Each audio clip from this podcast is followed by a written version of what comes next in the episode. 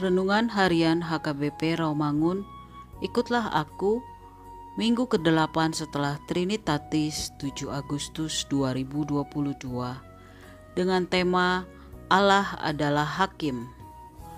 Bacaan epistel kita hari ini dari Matius pasal 24 ayat 45 sampai dengan 51 dan bacaan evangelium kita hari ini dari Mazmur pasal 50 ayat 1 sampai dengan 6 yang berbunyi Mazmur Asaf yang maha kuasa Tuhan Allah berfirman dan memanggil bumi dari terbitnya matahari sampai kepada terbenamnya. Dari Sion puncak keindahan Allah tampil bersinar. Allah kita datang dan tidak akan berdiam diri. Di hadapannya api menjilat, sekelilingnya bertiup badai yang dahsyat. Ia berseru kepada langit di atas dan kepada bumi untuk mengadili umatnya. Bawalah kemari orang-orang yang kukasihi, yang mengikat perjanjian dengan aku berdasarkan korban sembelihan.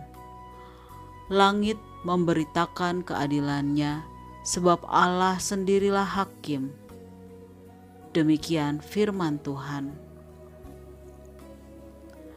Sahabat, ikutlah aku yang dikasihi Tuhan Yesus.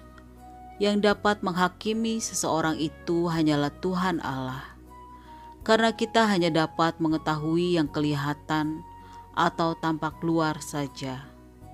Sementara Tuhan Allah mengetahui apa yang terdapat dalam diri kita yang tersembunyi, dalam hati dan benak kita. Dalam kitab Mazmur ini, kita dapat melihat bahwa Allah adalah pencipta sekaligus pemilik atas apa yang telah diciptakannya.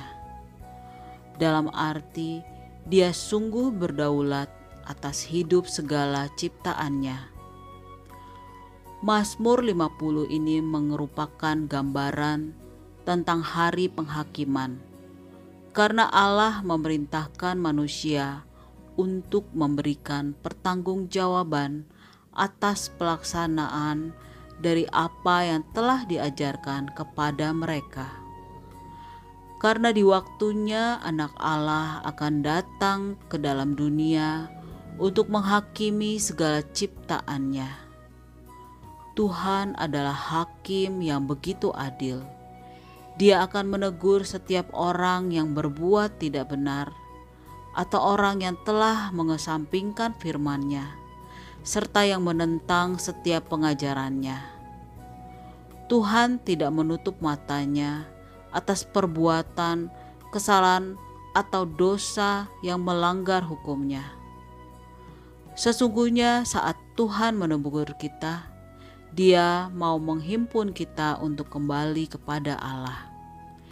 Dia menghendaki kita yang telah jatuh ke dalam dosa, mau mengakui kesalahan yang kita lakukan dan tidak akan melanggarnya lagi. Karena ibadah yang kita lakukan adalah penting, tetapi yang lebih penting adalah ibadah kita harus selaras dengan apa yang kita lakukan, dan hidup kita jangan membuat ibadah itu sebagai topeng dalam hidup kita, tapi lakukan segala sesuatu sebagai aplikasi dari ibadah kita, karena di waktunya Tuhan akan meminta pertanggungjawaban kepada kita. Amin. Mari kita berdoa. Mampukan kami untuk mengaplikasikan ibadah kami, ya Tuhan, karena kami tahu di waktunya Tuhan akan meminta pertanggungjawaban atas apa yang kami lakukan. Amin.